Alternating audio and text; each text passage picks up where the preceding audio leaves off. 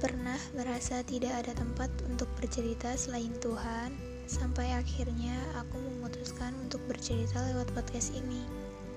Halo semuanya, semoga kalian bisa berteman baik dengan uraian kaktus. Selamat mendengarkan, dan semoga uraian kaktus bisa menemani hari-hari kalian.